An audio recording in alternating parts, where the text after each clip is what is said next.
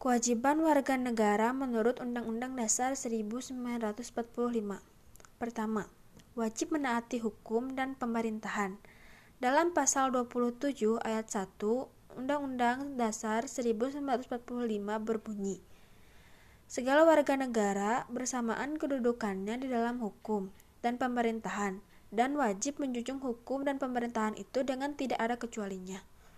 2 wajib ikut serta dalam upaya pembelaan negara. Pasal 27 ayat 3 UUD 1945 yang berbunyi, setiap warga negara berhak dan wajib ikut serta dalam pembelaan negara. 3.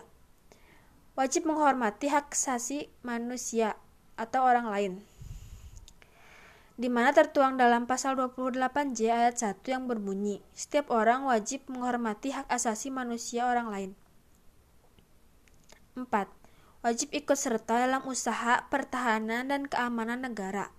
Tertuang dalam pasal 30 ayat 1 UUD 1945 yang menyatakan tiap-tiap warga negara berhak dan wajib ikut serta dalam usaha pertahanan dan keamanan negara.